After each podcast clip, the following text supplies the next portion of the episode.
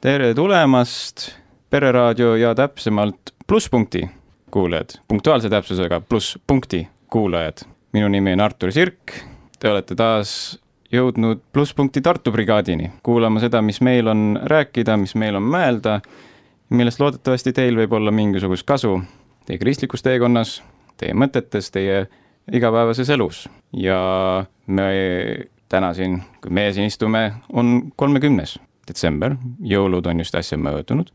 me vaatame otsa uuele aastale, uuele minale, te võite arvata, et ahaa, nii et teema on uus aasta, uus mina. ei, see on väga kringel, me ei tee seda uuesti. see on, see on liiga stereotüüpne, vaid me räägime hoopis millegist täiesti teistsugusest. päevakohasemast. päevakohasemast, võib-olla mitte tingimata mainides päevakohaseid osasid sellest, aga siiski taustal me tajume, et teema on mingil määral päevakohane. meie tänane teema, sõda ja rahu. miks sõda ja rahu? no esiteks, klassikutele viitamine jätab sinust palju intellektuaalsema mulje ja palju targema mulje. mina näiteks olen veerand Tolstoi Sõja ja rahust läbi lugenud. edasi me ei jõudnud, aga siiski ma olen lugenud alguse läbi vähemalt. intellektuaal? Villem, kas sa oled lugenud Sõda ja rahu? ei, ma olen teisi Tolstoi teoseid lugenud. okei okay., noh, aga siiski nimi on kena, nimi sobib ja ilmselt sellepärast on nii populaarne kui ongi. tabav ja meeldejääv. jah, sõda ja rahu, räägimegi üldisemalt, mitte ainult füüsilisest sõjast, ka vaimulikust sõjast, vaimulikust lahingust, vägivaldsest rahust, mingil määral võib-olla, kui seda saab niiviisi kirjeldada, ja ka paljuski muust, mis sellega seondub ja tegelikult sellest, kuidas see igapäevaselt meie ellu rakendub. sõda ja võitlusvaim ei ole midagi, mida on vaja ainult kriisihetkedel riikide vahel, vaid tegelikult igapäevaelus on see miski, mis meie olemusest nii-öelda välja peegeldub. meiega on siin täna stuudios Jakob Remmel, 3D koguduse rajaja ja juhatuse liige. Youmu, see on siis äpp, selline spordiäpp on ju, ma olen niiviisi aru saanud, kaasasutaja ja tegevjuht ja seoses tänase teemaga ka Eesti Kaitseväe reservis reservohvitser nooremleitnantina ehk siis äh, juhtinud äh, rühmasid äh, õppustel ja selles mõttes teatud kogemused, küll mitte tegevväelane, aga me Villemiga nii väga tegevväelasi ei tunne, aga samas kui eriüksuslastega. aga nagu me oleme ka varem rääkinud, et liigne mõtlemine on ülemõtlemine. eks vahepeal ongi isegi parem rääkida inimestega, kes on mõõdukalt mingites teemades mõelnud näevad laialt. ja näe-, saab natuke laiemalt rääkinud ja, ja ka siis abielumees, kui kaua nüüd abielu on olnud? abiellusin kaks tuhat kolmteist, nii et kaheksa, kaheksa aastat on. kaheksa aastat ja teil on väike poeg ja tütar ka, on ju? just nii. just, aga tere tulemast, Jakob! tere tulemast! väga tore, et te olete meiega ühinenud siin. no me, meile, meil on küll varahommik, sellepärast meie hääled on ka kõik madalad ja padjased. Teie jaoks on kõik hilja õhtu ja teie mõtted on sedavõrd värskemad vastu võtma kõike seda, mida me räägime siin. aga me istume siis siin, alustame siis, äh, nagu me oleme tavaliselt alustanud, äh, noh, definitsioonidest. alustame sellest, et millest me üldse räägime. ja mis selles mõttes igasuguse lahingu, igasuguse võitluse, igasuguse sõja selles mõttes eripära on, mis eristab seda selles, ütleme, rahust, ongi selline teatud vägivald. ütleme, millegi ründamine. no keegi siis ka kaitseb, aga samas sa ei saa kaitsta, kui keegi ei ründa ja kuidas, kuida-, kuidas me defineeriksime siis vägivalda, kas me saame öelda näiteks, et, et vägivald on millegi kahjustamine ja millegi hävitamine? ja kui niiviisi, et kas siis saab vägivald olla kunagi üldse õigustatud, kas me peaks kunagi soovima, et miski võiks olla hävitatud? nojah, et see on ilmselt selline definitsioonide küsimus ja noh, võib-olla emotsionaalsel tasandil seostub vägivald meie nagu keelelises ruumis sageli sellise üleliigse jõu kasutamisega. Ja, ja see loob võib-olla veel mingisuguse kuvandi sinna juurde, aga, aga mis puudutab laiemalt sellise sõjapidamist ja selle õigustamist või siis kellegi teise mahasurumist, siis ma arvan, et mingites kontekstides väga suur osa, et mitte öelda pea, pea eranditult tõesti enamik inimesi pooldab ja, ja see võib minna kas inimese isiklikule tasandile, kus me mõistame, et me midagi nagu ise teha tahame, midagi ei taha teha ja, ja siis me proovime enda, enda tahet nagu allutada või maha suruda nagu nii-öelda, ma ei tea, kas me selles kontekstis kasutaks nagu vägivalda, et me vägivaldselt nii-öelda iseennast või enda mingit soovi alla surume, aga aga, aga noh, loomulikult teine tasand on juba see, kui me mitte ei tegele enam iseendaga, vaid me hakkame kedagi teist nii-öelda ja tema võimeid või, või õigusi ennast teostada piirama ja, ja siis kindlasti see küsimus nagu läheb laiemaks, et, et mm. kust me selle õiguse võtame ja millistel juhtudel, on ju. aga noh, ma arvan, et suures pildis noh, jah, et, et sõltub seal nendest definitsioonidest natukene, aga ma arvan, et me kõik ütleme, et mingeid asju, mida mis muidu võib-olla juhtuksid, siis kui me nende juhtumist soovime takistada, siis, siis see on kuidagimoodi nagu jõu, jõu rakendamine mm, -hmm. olgu see füüsilise, vaimse või, või mingi muu mm. -hmm. et, et paratamatult mingitel hetkedel see saab vajalikuks. see ei ole otseselt asi, mida me otsime välja, et oh, kuule, et pole, pole, pole pikka aega sõdinud, et pole pikka aega võidelnud, et võiks täna nagu ette võtta selle asja, et otsida mingit konflikti, et see on ikkagi asi, mis tuleb meieni ja me saame aru, et okei okay,, me peame nüüd tegelema sellega. jah, et ma arvan, et see paljuski läheb ka sinna, et kui meil on mingid ideaalid, see võib olla nagu riigi tasandil selle, selle olemasolu, see võib olla mingisuguse noh, elustiili viljelemine, et siis kui, kui meil see ideaal on ja, ja miski hakkab selle ideaali vastu töötama,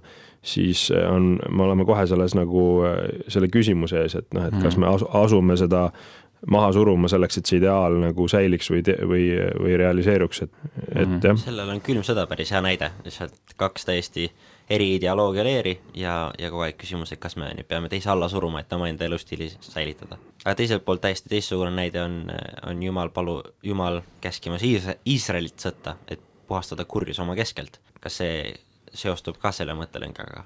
ja ma arvan küll, et Jumal nagu selles mõttes, Jumalal oli, oli selge ettekujutus, milline võiks olla maailm, milline võiks olla nagu tema rahvas ja, ja see, kuidas see rahvas käituks ja, ja Jumal nii-öelda kutsus esile seda. mõnel juhul me näeme, et ta sekkus nagu väga, väga jõuliselt, üleloomulikult ja mõnel juhul ta, ta nagu andis vaikselt ainult selliseid suunavaid juhiseid ja, ja lasi rahval ise tegutseda, et et ja, ja siis ka, et kuidas, kuidas siis rahvas nagu valis, et, et eks seal seal on ka nagu näha, et see ei olegi alati nii nagu mustvalge, et millisel hetkel nagu, millisel määral äh, seda survet mm. nagu kasutada nagu.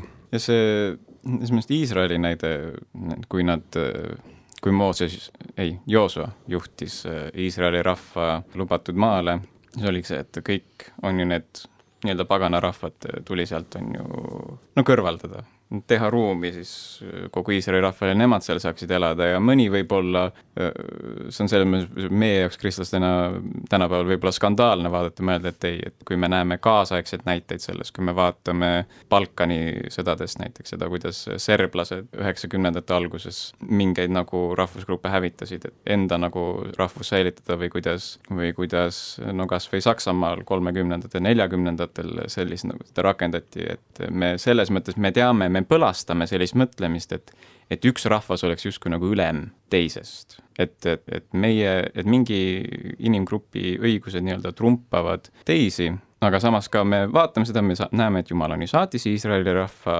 ta ikkagi andis selle käsu väga selgesti, väga selgel eesmärgil, aga siis seal selles mõttes nagu, ma arvan, selles me võime nõustuda, et see ei ole alustekst õigustamaks genotsiidi kristlikust vaatevinklist. ega ka, ega ka judaistlikust on ju vaatevinklist, kui me vaatame seda kui Vana-testamendi kontekstis. sest sel hetkel, tol ajal on ju, Iisraeli rahvas oligi püha rahvas, nii-öelda Jumala poolt välja valitud rahvas, keda Jumal sooviski soosida üle kõigi teis-, teiste rahvast ja just tollel hetkel sellisel viisil et anda neile see maa. aga see ei tähenda seda, et meie nüüd tänapäeval eestlastena näiteks võiks nüüd öelda, et ah, meie oleme nüüd see püha rahvas, me nüüd ajame kõik venelased siit minema või et prantslased ütlevad, et okei okay,, et me oleme nüüd see prantsuse rahvas, me ajame kõik itaallased nüüd siit minema või mis iganes muud. et ükski rahvas ei saa seda iseendal rakendada enam, aga sealt siiski paistab välja teatud nagu vaimulik võit hoida mingisugust puhtust mitte vere poolest, vaid just jumala teenimise poolest, õiguse poolest, headuse poolest. ehk siis, kui me võtame selle Jooso sõjakäigu nii-öelda siis läbi, läbi, läbi Palestiina, läbi Iisraeli maade, mida siis täpselt Jumal soovis hävitada? kas ta lihtsalt tahtis siis inimesi hävitada, kas oligi lihtsalt mingi elamisruumi küsimus või oli see midagi palju-palju nagu sügavamat? ma arvan, et, et eks seda võib vaadata ka nagu mitut moodi, aga mina nagu võib-olla selle rõhuasetuse isegi paneks sinna, et jumala eesmärk ei olnud kedagi nagu esmalt hävitada, vaid kehtestada nagu teistsugune elu ja kultuur ja, ja selleks, et seda kultuuri nagu edendada ja, ja kehtestada, see oli lihtsalt kaasprodukt, et sellele tuli teha nagu ruumi mm -hmm. ja eemaldada nagu seda teist kultuuri nagu mm. -hmm. et, et siin on jällegi nagu see, et, et see põhieesmärk oli, oli nagu tuua head, head esile mm. -hmm. ja, ja, ja sellega siis tuli eemaldada nagu kurjust, et, et, et ma arvan, et seda me näeme ka nagu siin, kui meie enda ühiskonnas äh, noh, mingis olukorras, kus ma ei tea, politsei kasutab äh, kuskil äh, relva selleks, et peatada kurjus, siis, siis noh, kunagi ei ole politsei või vähemalt loodetavasti kunagi ei ole ta eesmärk nii-öelda inimest tulistada, on ju, aga, aga see on pigem äh, võib-olla vahend selleks, et, et saavutada mm. nagu see rahu, on ju. anname natukene sellisele vastanduvatele häältele ka, ka ruumi. miks te arvate, et patsifism on kristlaste seas mingisugune teema, mida väga viljeletakse? jah, mis see põhjendus võiks olla ja, ja siis milline sinu lühidalt isiklik arvamus sellest kõigest on? patsifism kui täielik vägivallast ja sõjast hoidumine mm. -hmm. Absoluutselt mitte igal tingimusel.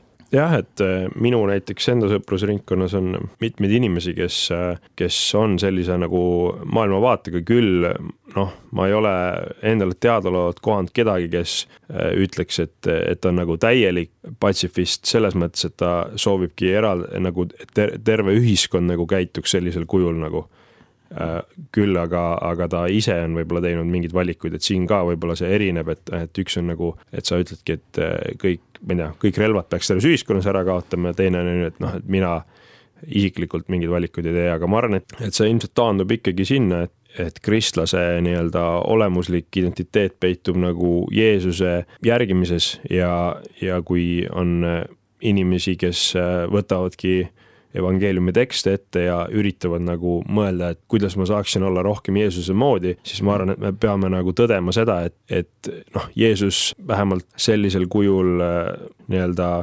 vägivalda teiste inimeste peal ei kasutanud kunagi, kuigi võib öelda, et mõnes olukorras äh, ma ei tea, Jeesus lükkas ühe laua ümber kuskil, on ju Jeesus äh, ka ja, ja, ja teistpidi, et tal oli ka mõnel, mõnel juhul väga palju põhjust ja, ja tegelikult ka oleks olnud väge nii-öelda seda jõudu kasutada, aga, aga ta sellest hoidus ja ma arvan, et siis, et, et noh, mina nagu saan aru sellest loogikast, kuidas mõned mm. inimesed selleni jõuavad nagu et nad üritavad ilmselt olla nagu Kristuse sarnased äh, selles äh, elu aspektis, aga noh, on ka kindlasti võimalik ju asju teistpidi, teistpidi näha, et, et, et aga ma arvan, et tulebki nendesse inimeste suhtusse austuda, austusega, aga ma arvan, et, et väga palju inimesi, kes ennast on nagu selle tiitliga ka sidunud ühel või teisel moel.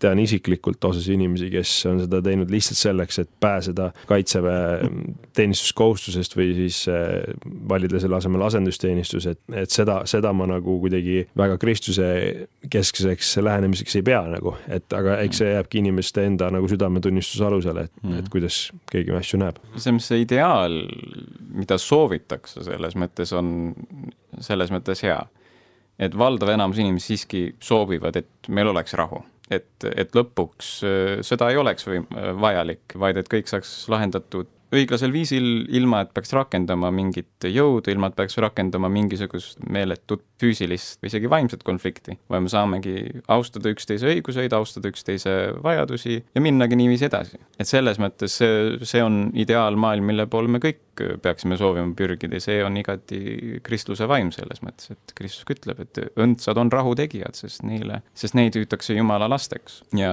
see on selles mõttes kõigist nendeks õndsaks kiitmistest üks kõige väljapaistvamaid selles mõttes, sest see on üks nendest, mis ütlebki ära, et sa oled Jumala laps, kui sinu soov on tuua rahu maailma, mitte vägivalda, aga siiski nii-öelda me elame ühiskonnas, kus, mis ei ole ideaalne, mis ei ole vaba konfliktist, kus kõik ei soovi rahu või, või kõik päris ei mõista, kuidas selle rahuni jõuda täpselt kõige paremal viisil ja siis tekibki selline lahusus. eks meil on vaja mingeid, on ju, kontrollmehhanisme ja see on isegi, on ju huvitav selles mõttes, et kui me mõtleme näiteks politsei peale ja on, on ju teatud liikumised, need küll siia Eestisse ei ole jõudnud, aga teatud liikumised rohkem lääne poole, see ongi selline mõttelaad, et okei okay,, võtame näiteks politseilt kõik relvad ära, ongi näiteks, varustame nad lihtsalt mingite ohutute asjadega, et kumminuiad ja pi pisargaas ja las nad sellega, on ju, kehtestavad kõik, et me ei taha neile relvi anda, et siis nagu on kõik, siis me hoiame ära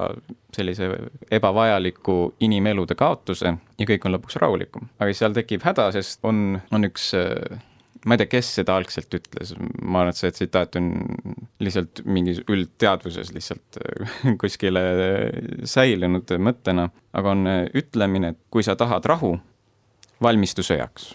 ehk siis selleks, et rahu saaks üldse, on ju meil maailmas säilida, meil peab olema selge lubadus mingil määral isegi, et me oleme valmis nii-öelda tagasi lööma, vastu lööma, sellepärast meil ongi kaitsevägi kui Eestil ei oleks kaitseväge, me haihtuks kaardilt paari nädala, paari kuuga, Venemaa mingil viisil on ju, leiaks viisi lihtsalt võtta meid üle. igasugune on ju kord, igasugune õiglus säilib sellel oletusel, et kui ma mingitest piiridest üle astun, seal on tagajärjed. võib-olla see küsimus, mis sellest välja koorub, on see, et me oleme rääkinud, et sõda on selleks, et säilitada mingisugust head, äh, mingisugust standardit, kui me oleme kristlased, me tahame säilitada jumala standardit ja me elame tea-, ebaideaalses maailmas, et kas me siis kristlasena peaksimegi mõnes mõttes tahtma seda, kas sõda on hea, kas sõda säilitab puhtust, kas seda on midagi, mida me peaksime ootama, kas me peaksime nautima vägivalda või olema harjunud sellega? ma arvan, et äh, kindlasti nagu noh, nagu ma ennem ütlesin ka, et, et mulle tundub, et see on pigem ikkagi nagu vahend, mitte nii-öelda eesmärk, et kuigi ka sealt võib leida väga nagu huvitavaid ähm, filosoofilisi mõtteid, et ähm, ma ei mäleta, kas see tuli sisse nagu äh, C.S. Lewis'e Pahareti kirjapaanas või mitte, aga kuskil midagi vist nendes sellise sarnases teoses, et noh, mõnes mõttes, mis, mis on siis, kui just läbi sellise kannatuse ja raskuse, mida sageli sõda kaasa toob, nagu see muudabki inimesed nagu kõige avatumaks Jumalale. ja noh, see võib olla nagu mõnes mõttes selline paradoks, et kui teatud olukorras sa tahad nagu inimesi nagu panna mõtlema elu sügavamatele teemadele ja Jumala peale, siis see juhtubki jah, olukordades, mis on nagu äh, ebamugavad või, või kohati ka võib-olla noh, sa soovid nagu neid vältida, et mida mm, -hmm. millise olukorra siis lood või millist ideaali sa püüdled, on ju.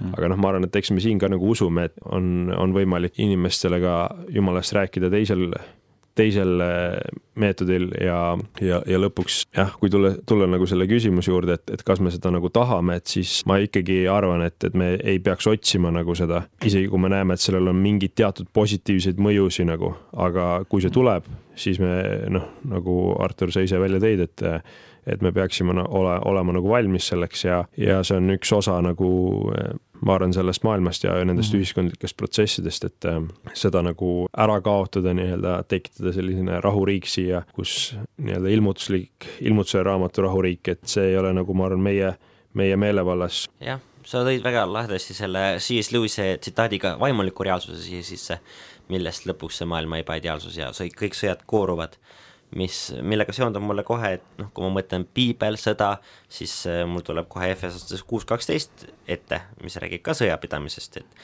aga ta ütleb, et meil ei tule ju võidelda inimestega, vaid meelevaldade ja võimudega, selle pimeduse maailma valitsejate, valitsejatega, kurjade taevaaluste vaimudega. ehk siis võib-olla hästi lai sissejuhatav küsimus kogu sellesse teemasse on see, et kuidas see füüsiline sõda ja, ja inimese enda vaimulik olukord. jah, et et eks, eks see on nagu keeruline, keeruline nagu seda mõtestada, ma arvan, et ma arvan, me vaimne sfäär on midagi, mida me kõik tunnetame, tajume nagu, aga me lõpuni noh, nii-öelda Paulus kasutab ka, et me tegelikult tunnetame poolikult, on ju.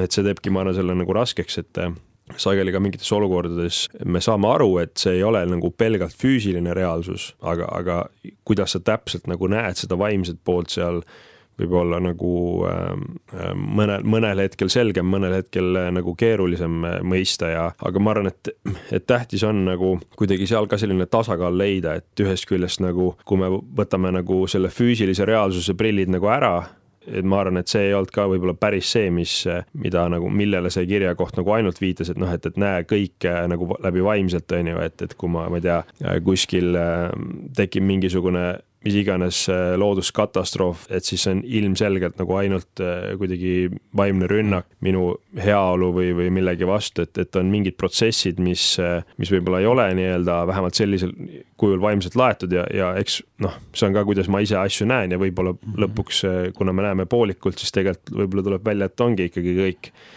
nii seotud, on ju. aga, aga teistpidi, kui, kui me nagu läheme nii uhkeks ütleme, et noh, et see on kõik nagu ainult meie füüsilises äh, ihus kinni ja, ja nendes otsustes ja nii edasi, et siis äh, ma arvan, me jõuame ka sellisesse maailmasse, mis, äh, mis tegelikult reaalsust ei peegelda. et mi, mina, ma ütlen ausalt, et eks selles küsimuses on endal ka nagu raske raske nii-öelda leida tasakaalu, aga siin võib-olla uuesti viidates sellele samale Pahareti kirjapauni raamatule, et, et seal ütleb ka, et, et kurjusel või saatanal on võrdselt hea meel nii materialistist kui nõiast. et üks nagu tunneb tema vastu nagu liigset huvi ja, ja teine eitab tema olemasolu. et ma arvan, et see on ka nagu märk sellest nagu tasakaalu küsimusest, et. ehk siis selle see ongi puhtalt vahend selles mõttes, konflikt ja sõda ja kõik see millegi siiski nagu kõrgema poole ja me teame, et kuigi, kuigi võib-olla on raske näha, noh, no on küll teatud, on ju, koolkondi, kes võib-olla ütleksid, et aa, näed, ilmutuse raamat räägibki tegelikult külmast sõjast ja Babylon ongi Venemaa ja Pärsia on see too ja üritatakse kuidagi siduda see kõik ära ja ma, see selles mõttes võib-olla on selline liigne vaimulikustamine või vähemalt praeguse poliitilise olukorra vaimulikustamine, aga mida me siiski saame kindel olla, on see, et, on siiski reaalne vaimulik võitlus, mis toimub iga inimese sees keset seda füüsilist võitlust. sest kui panna inimene sellisesse olukorda, kus ta on noh, võitleb elu eest. ja ta saab aru, et ta ei saa lihtsalt istuda seal ja nagu kannatada seda asja ära, ta peab olema aktiivselt ründama, aktiivselt võitlema, hoidma mingit vaimu, võitlema väsimuse vastu, võitlema meeleheite vastu, kõike seda. Ja siis tekibki see hetk, kus, nagu sa ka ise välja tõid, et see avabki mingil määral mõtteid inimesi äh, Jumala suhtes. Aga just see, see protsess ilmselt seal taga ongi see, et inimene jõuabki sellesse punkti, kus ta saab aru, et milleks ma seda üldse teen. Et milleks kogu see võitlemine, milleks kogu see väsimus, et isegi meie igapäevaelus meil on see võitlus, et me ärkame iga hommik üles, teeme sama tööd ja mõtleme, et milleks, milleks on vajalik. Ja lõpuks sa pead leidma selle põhjuse. ja, ja see on mingil määral, sõda on selles mõttes üks suur nagu proovikivi, kus, mis, mis, mis kas lõhubki meid ära või see teeb meid veel tugevamaks võimestab meid veel rohkem, teeb meid millegiks noh, see on no, see mitte, mitte leie, leierdatud tsitaat, et seda, et seda tekitab raske ühiskonna, raske ühiskond tekitab tugevad mehed, tugevad mehed tekitavad kerge ühiskonna, kerge ühiskond tekitavad nõrgad mehed, nõrgad mehed tekitavad jälle väga raske aja või sõja. Et mm, -hmm. et seda on nagu vahend, et veendumust kasvatada, nagu sina väga selgelt need kaks mm -hmm. asja ära sidusid. kui me oleme veendunud inimesed, siis me käitume veendunult ja me seetõttu oleme palju, ma ei oska ka öelda, kas tõhusamad, aga meie peale võib tugineda selles mõttes siis, meie peale võib loota teatud viisil, et see tuletab meile meelde, mis siis lõpuks nagu tegelikult tähtis on. et me unustame ära mingid tühised igapäevased võib-olla mõttetused, milles me muidu nagu võib-olla liialt lugu peame. nii et sõda. Aga, aga isegi kui see on hea vahend, isegi nagu hea vahendina, me, me, meil on alati on olnud niiviisi, et tegev, vägivald on olnud selles mõttes kuidagi suur ühiskonna nagu tähelepanu keskpunkt mingil määral. me näeme seda tänapäeval, et kuivõrd populaarsed on nagu igasugused sõjafilmid ja mõned neist paremad, mõned neist halvemad. ja see on poliittehnoloogiline üks kõige kindlamaid vahendeid, kui tahad rahvast ühendada, ühenda nad ühise vaenlase vastu, seda on just. kõige karjuvam näide. just, aga isegi kui see nagu toob teatud nagu kasu, selles mõttes me, no praegu rahuajal meil on lihtne on ju mõelda, et ah, okei okay,, siin see, see saab seda head tuua, saab seda head tuua, saab seda head tuua. aga selle sees olles loomulikult me seda kaugeltki niiviisi ei mõtleks, et me ei mõtleks nagu, et oo jaa, ma nii ootan seda head, mis sellest kõik tuleb, vaid siis mõtlen nagu, et appikene, palun lihtsalt lõpeta see ära, vahet pole, kas sellest tuleb head, lihtsalt lõpetage see asi ära, mis siin praegu toimub, on ju, see on igasuguse konfliktiga. et äh, me muutume mingil määral nagu lühinägelikumaks, aga siis ma, see, see ongi võib-olla üks asi, miks nagu tekivad teatud konfliktid, et just rahu pärast, on ju, et, et tekib teatud nagu sügelemine, kibelemine, et kuulge, aga teeme midagi, kõik on hästi, kõik on rahulik, aga nagu ja see on hea küsimus, võitleme. kas inimene on mõeldud võitlema, sest tõepoolest mulle väga meeldib tsitaat, et inimesed on heast elust lolliks läinud ja tõesti natuke tundub, nagu läänemaailmas see efekt on, on ju. et väga hea elu on ja siis tahetakse leida äh, mingeid sõnu, mida ei tohi öelda ja, ja, ja midagi edasi, et võib-olla see on hea küsimus, et, et kas, et noh. kas me inimene... peaksime nautima vägivalda? või, või, või, või, või pigem, pigem küsimus, miks inimene on mingit moodi sõjale tõmmatud? Jah, ma ei tea, kas see nagu rahu on äh, kindlasti nagu üks asju, mida inimene nagu tahab saavutada nagu äh, ilmselgelt äh, hingeline nagu ähm, füüsiline, aga ma arvan, et sageli need nii-öelda trigger'id nagu, mis, äh, mis vallandavad selle sõja on ikkagi teatud nagu rikutud nagu ambitsioonidega, et, et see võib olla soov nagu saada mingi rohkem vahendeid, olgu, ma ei tea, materiaalseid vahendeid, võimu, et sageli seal mulle, mulle nagu tundub, et, et enamasti see on ikkagi inimese nagu soov mille, midagi nagu saada ja vähe, noh, et kui, kui, kui varas läheb poodi, on ju, siis äh, ilmselt ta ei mõtle nagu rahust või kui, kui äh, noh, samamoodi me näeme praegu, on ju, nii-öelda noh, erinevaid poliitilisi äh, riiklikke konflikte, siis, siis mulle tundub, et see rahu ei pruugigi olla see, mis nagu tekitab sõda, sõja nagu pinget, vaid pigem nagu kellegi nagu soov midagi juurde saada nagu, et kui oleks rahu, siis võib-olla siis nagu tundubki, et, et tegelikult sageli rahu on enne, kui äh, konflikt tekib, on ju, et siis mõnes mm -hmm. mõttes nagu ei, ei olekski mm -hmm. mõtet seda tekitada nagu mm. -hmm. ehk siis see pole isegi rahu otseselt, vaid midagi, mis nagu matkib rahu vahepeal. võib-olla no. annab rahuldust. pigem jah, nagu, inimesed et... otsivad kogu aeg midagi, tahavad juurde endale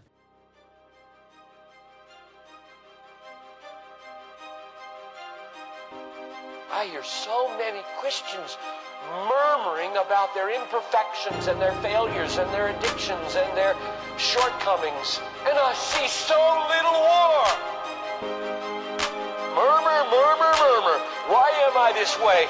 Make war! Bang with me, bang, bang, bang with me. Never playing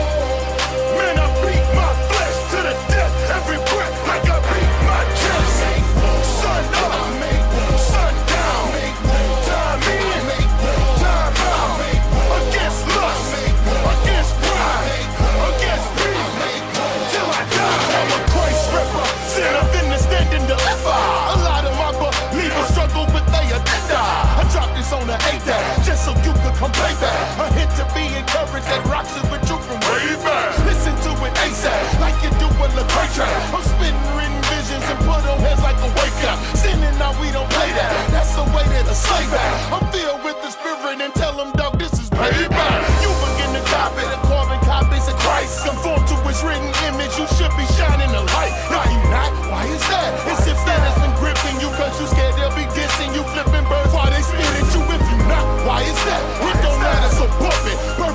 cast out fear and he ain't save us for nothing. This is a privilege, privilege. Your life to give to him. So stand firm for him, dog, and let's get it in. Boom.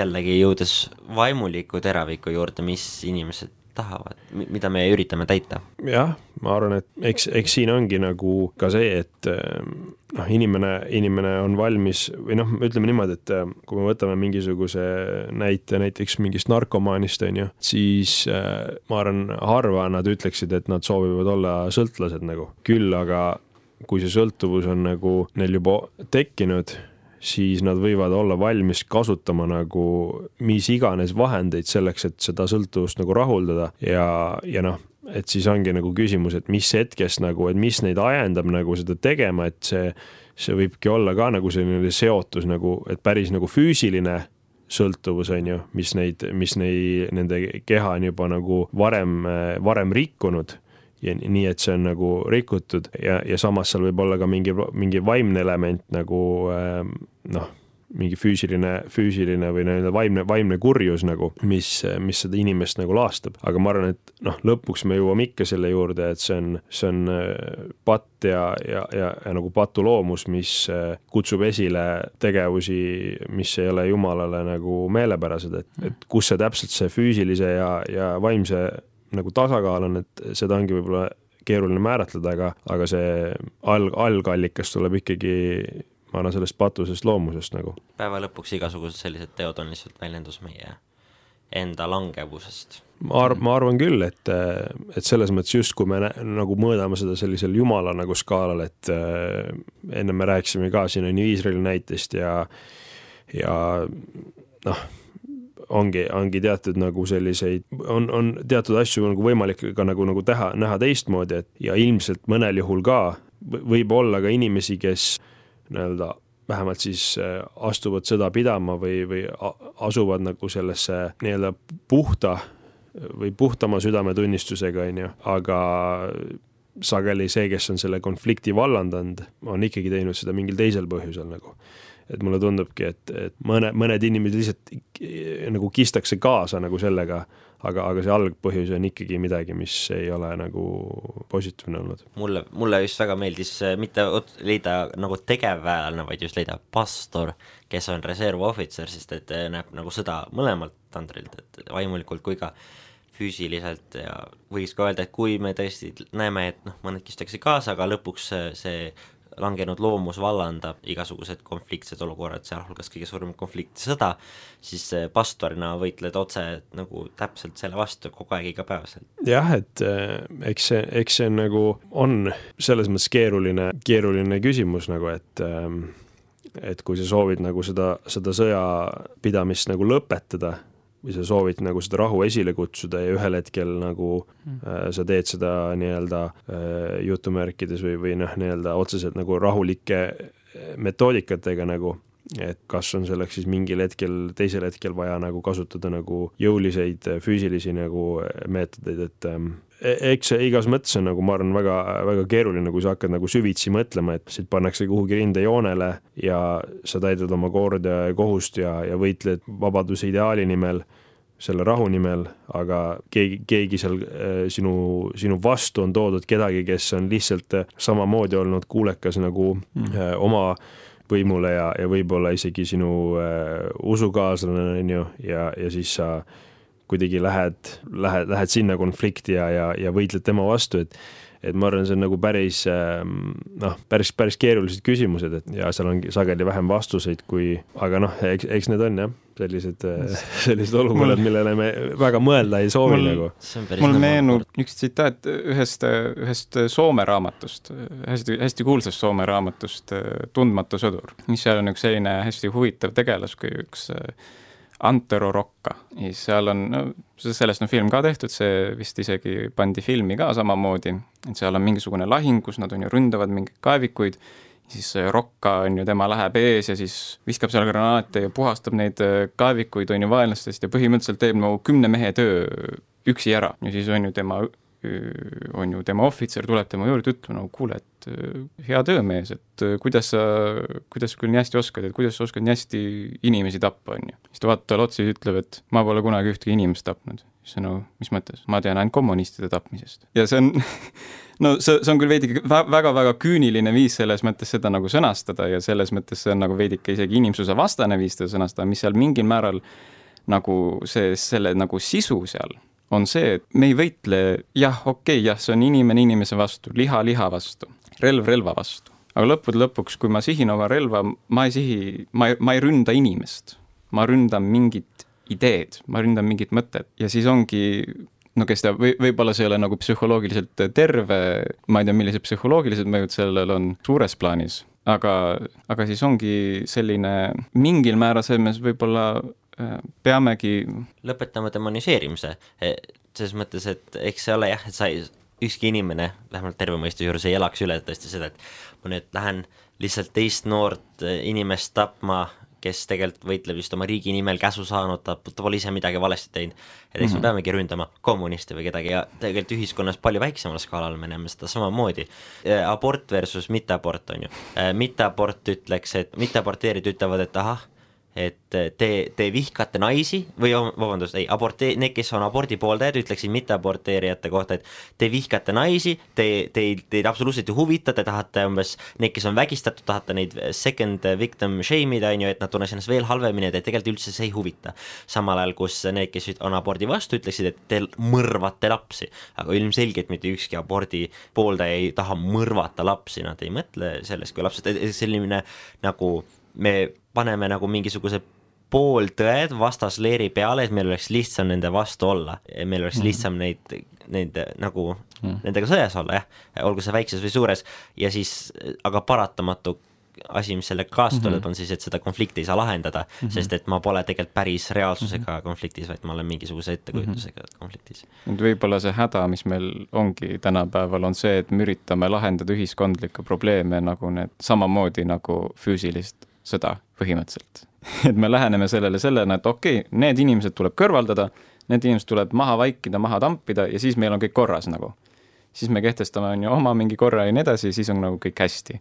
kuigi reaalsus on see et ei, me peame kuidagi hoopis su su suutma nagu tuua see ühiskond nüüd kokku, rääkida asjad läbi ja see asi nagu ära lahendada, et see on selles mõttes samas, jah jah, selles mõttes äh, peegeldas, mis sa just ütlesid, lugesin hiljuti ühte artiklit Tõnu Lehtsaarelt, kui ta rääkis äh, hetkel päevakajalisest teemadest ühiskonnas ja ja see vastandumine, mis on vaktsiinide osas ja niimoodi, ja siis äh, küsiti temalt, et aga kuidas me nüüd lahendame seda suurt lähe, siis ta ütles, et konfliktoloogiliselt on kaks lahendust, esimene lahendus on see, et me lihtsalt oleme vait, me ei räägi sellest ja me üritame tegusalt eluga edasi minna, ja teine lahendus on see, et mis on väga energiakulukas, me tuleme kokku, me räägime läbi, kus üksteise pooli riivati ja, ja leiame mingisuguse kompromissi, on ju. Mhm. ja siis mina nüüd mõtlen Jakobi jutule ka veel põhinedes, et, et võib-olla kolmas variant, mis lõikab sellest läbi, mida ta, mis tolle intervjuu äh, laiusesse ei jäänud, läks nagu, nagu sellest välja, on vaimulik, vaimulik inimese hinge nagu mõjutamine, et, et see piibel nagu lõikab kogu sellest lõngakerast, mis on inimpsüühika läbi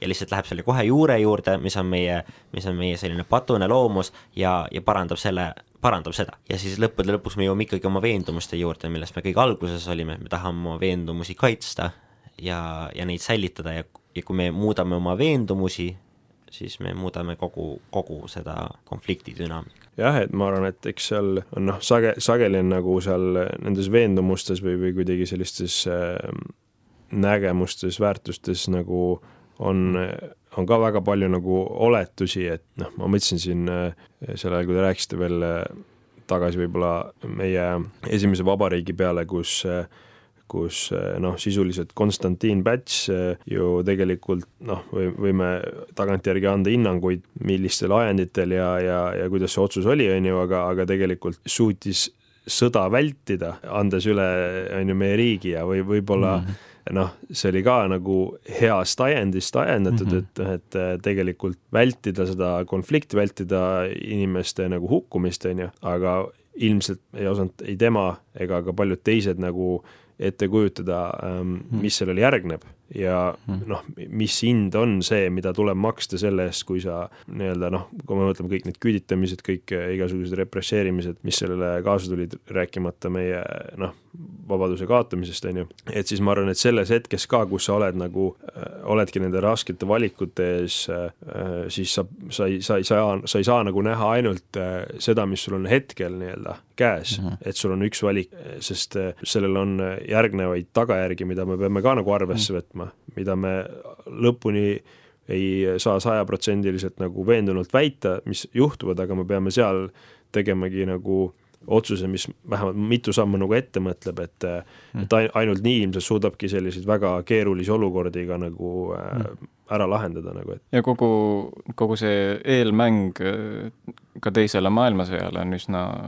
elav pilt selles mõttes sellisele liigsele rahupüüdlusele, et enne, kui teine maailmasõda algas umbes aasta aega enne seda, on ju, oli veel olemas selline riik nagu Tšehhoslovakkia. no tänased on ju Tšehhi ja Slovakkia on ju piirkonda ühendav äh, riik. ja tekkis olukord, kus äh, on ju Hitleri poolt juhitud Sa Saksamaa pöördus, on ju, Tšehhoslovakkia poole, ütles, et okei okay,, teil on see kogu teie piiriala moodustav piirkond, kus elavad peamiselt sakslased, me tahame seda maad tagasi, et, äh, et andke see meile. ja noh, siis Tšehhoslovakkia ütles, et ei, et see ei ole vastuvõetav ja siis pöördusid, on ju, rahvusvaheliste liitlaste poole, Inglismaa ja Prantsusmaa ja kõik need on ju, ütlesid, et kuulge, et aidake meid siin, on ju. ja siis selle asemel, et seista, on ju, no selgelt väiksema riigi eest, nõrgema poole eest öelda, et ei, me ei luba sul, on ju, türaniseerida endast nõrgemaid siin, mõtles tollane peame, peaminister Inglismaas, et kuule, aga Hitler, kui sa lubad, ainult see siin ja siis rohkem ei tee. et sa lihtsalt võtad need piirimaad ja siis on kõik. kas sa siis lubad, et mingit et, et siis sa lõpetad? ja siis Hitler ütles loomulikult, ja, ja lõpetan. Ain-, ainult Sudeedimaa on ju, ja siis on kõik. Ja siis võtsid selle ja, ja võtsid ülejäänud hiljem. jah, ja siis hiljem tungisid siis... Tšehhi sisse ja siis, aga, aga see oligi selles mõttes nagu koomiline, et, et oligi see, et Briti peaminister on ju, lendas sinna kohale, rääkis Hitleriga, oli nagu, said kokkuleppele, andsid, on ju, selle Tšehhi piiri nagu maa üle, kus olid kõik, on ju, Tšehhi kindlustused, kõik, mis kaitses nende riiki, lendab tagasi Inglismaale, astub lennukist maha, on ju, lehvitab, ütleb, et oh, peace in our time, rahu on saavutatud, on ju. rahu meie ajal, jah. ja siis no põhimõtteliselt otsekohe tuldi juurde, öeldi, et kuule, et Hitler tungis nüüd sisse. okei okay., ja, siis, ja siis ongi, sealt tulebki välja see, et, et, et, et rahu peab selles mõttes põhinema õiglusel ikkagi, et, et kui see ei ole õiglane rahu, siis tegelikult ta ei olegi rahu see on tegelikult konflikti nagu eiramine, konflikti ignoreerimine. Ja me lihtsalt teeskleme, et konflikti ei ole, me lihtsalt anname aina rohkem maad juurde mingisugustele nagu äh, vägivaldsetele nagu mhm. isikutele ja see paistab välja ka nii lähisuhetes. Äh, et see, see, see mõtteprotsess tegelikult toimub igas inimeses vist isegi, kes, keda näiteks füüsiliselt väärkoheldakse.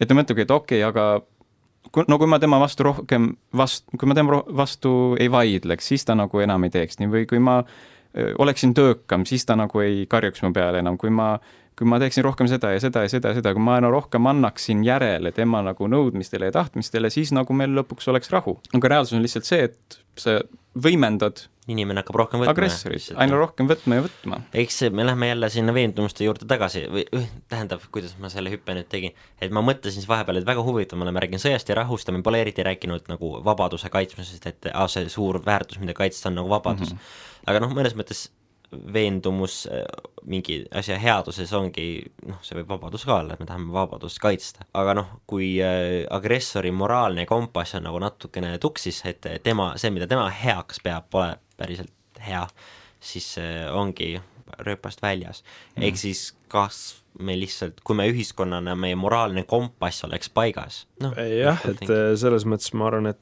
et kui kõik teeks seda, mida, mida Jumal nagu meilt ootab, et siis, siis oleks elu kindlasti väga hea, aga, aga raskus ongi siis, kui kui, kui see nii ei, ei ole ja, ja sa pead ikkagi, ja sa ikkagi püüdled ise vähemalt ühiskonnaliikmena nagu selle ideaali poole, et siis sa pead mm -hmm. ise kogu aeg nagu mõtlema, et noh, et kuidas, kuidas ma nüüd siis olema pean, et kas mm -hmm. ma mhm. pean seda, mõnes mõttes seda rahu ajastu ideaali kehastama või, või hoopis mm -hmm. siin nii-öelda sõda pidama selle, selle mm -hmm. eest või noh, et, et see, ma arvan, see on iga, iga nagu selle igapäevaste valikute küsimus, ma arvan, et mm -hmm. tegelikult meil on palju rohkem ilmselt neid valikuid, mida me peame kogu aeg nagu langetama mm. -hmm ja, ja noh, et äh, eks see on nagu väga mm., väga aktuaalne. see on, see ongi siis äh, mingil määral ongi võib-olla see, et see kon-, selline nagu sõda või võitlus nagu ongi teatud võib-olla tulemus sellest, et ongi, kui me räägimegi vabaduse ideaalist, siis ongi see, et noh, mingil hetkel me saame oma vabaduse ja siis me harjume ära sellega. siis aina rohkem ja rohkem võib-olla me ei hinda seda nii väga, me hakkame tasapisi nagu väärkasutama seda ja nii edasi, siis mingil hetkel on ju me peame maha istuma ja vaatama üksteisele otsa ja küsima, et okei okay,, mida me täpselt tahame siis, kas me tahame üldse vabadust, on ju, ja me peame maadlema sellega väga-väga-väga sügavalt, on ju. et kas me tahame nagu minna tagasi nüüd selle juurde, mida me nüüd väidame, et me hindame, kas me, kas me nagu tõesti kehastame seda või kas me lihtsalt nii-öelda lepime selle praeguse reaalsusega, et tead mis, vabadus tegelikult ei olegi nii tähtis, et las ta läheb. ja eks too ongi vajalik mingil määral. minul on äh, üks küsimus, et mina tahaks natuke praktilisemaks minna, siis küsida meie pastorist, reservohvitserist, reservohvitserilt, et milline siis sin-, noh, sinu enda praktikas siis kristlane, milline sa tahaksid olla või milline võiks olla sõja ajal üks kristlane ja milline võiks olla siis nagu ja, ja siis nii äh, seda ohvitseri või aktiivselt sõdiva inimese aspektis, kui ka lihtsalt, et sõda käib ja mina olen nüüd äh, selline tavaline tsiviilinimene, et kristlasena. kuidas, kuidas see käitumine oleks? jah, ma arvan, et see on päris, äh, päris keeruline nagu nii äh, suurele tasandile üldistada, et äh, ma arvan, et inimesed noh, et kui mõelda nagu väga laialt, et ma nii-öelda kristlasena siis sa peaksid ikkagi tegema, proovima tõesti äh, teha nagu tegusid, mis, äh, mis on nii-öelda need armastuse teod, et, et võib-olla selles hetkes, kus sa isegi oled kuskil patsifist, siis äh, ilmselt see ei takistaks sul minna kuhugi haiglasse aitama seal kaasa äh, inimestele, kes on, kes on viga saanud või midagi sellist, et ma arvan, igal juhul tuleks osaleda selles protsessis nagu mitte ennast eraldada kuidagi nagu äh, kuhugi, äh, kuhugi keldrisse lihtsalt äh, nii-öelda ootama paremaid päevi. et, et kindlasti, kindlasti võtaks osa ühiskonnast, nagu ma arvan mm.. ja, ja kui mina mõtleksin nii-öelda ohvitseri vaatepunktist või, või siis nii-öelda enda konkreetse sõjaaja ülesannetes, siis et loomulikult esmalt ma prooviksin tagada nagu enda pere heaolu nagu, et ma tean, et nad on vähemalt selles hetkes ja ja mingis arvestatavas äh, lähitulevikus on neile tagatud nagu elutingimused nagu ja, ja seejärel nagu äh, prooviksingi parimate oskustega nagu siis teha seda, mina, mida minult nii-öelda siis riigi mm -hmm. poolt nagu oodatakse, et, et äh, osaleda nendes mm -hmm. strateegilistes planeerimisprotsessides ja, ja siis ilmselt ka selles, selles sõjapidamisprotsessis nagu. võib-olla kokkuvõtlikult saab ka öelda, et, et selles mõttes iga kristlase eesmärk on ka sõtta tuua, rahu selles mõttes. et püsida, kuidas öelda, heas vaimus, toetada kaasvõitlejaid, olla nende kõrval, aidata neid, mitte nii-öelda kapselduda sellesse, et okei okay,, ma lihtsalt teen oma ülesanded ära ja las teised on ju elavad, kuidas nad soovivad.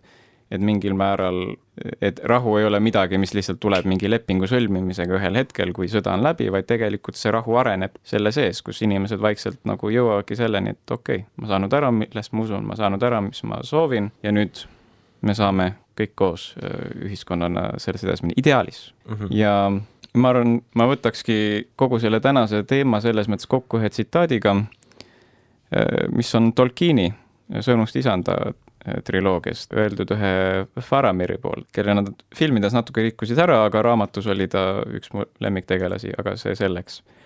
ja ta ütleb, et sõda peab olema samal ajal kui me kaitseme oma elu hävitaja eest, kes neelaks kõik, kuid ma ei armasta heledat mõõka teravuse, noolt kiiruse ega sõdalast oma hiilguse pärast.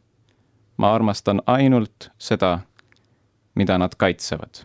ja ma arvan, et see on hea noot, millel ka lõpetada meie tänane vestlus. ja siis, ehk siis armsad televaatajad, televaatajad, kuulajad, telekuulajad raadiokuulajad, sõnumikuulajad, makikuulajad, kuidas iganes sa ütled seda. aitäh, et meiega täna olete kaasa mõelnud, kaasa elanud, loodan, et tänasest vestlusest olete saanud mingisuguseid häid mõtteid, mida edasi seedida, ka oma sõpradega arutada. meie siin, no me, me, meil on veel jõulud veel värskelt meelel, võib-olla teil ka veel, ka soovime teile kaunist uut aastat, edukat ja rahulikku aastat ja aitäh, Villem ja suur aitäh teile, Jakob, et tulite meiega arutama seda teemat. armu ja rahu. armu ja rahu ja kena päeva või õhtut või hommikut või mis iganes teil hetkel ees on